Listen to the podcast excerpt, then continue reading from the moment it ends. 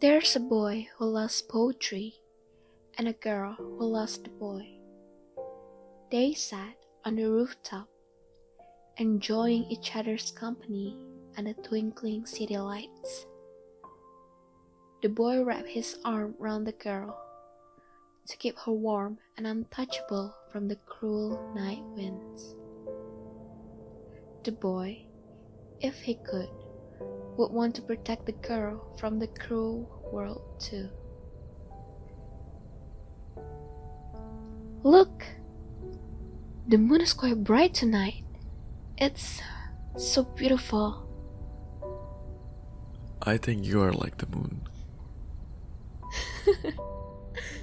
okay, Mr. Poetry. What now? Did you notice how the moon only presents us with her bright side and hides the dark side behind her back. Okay, and?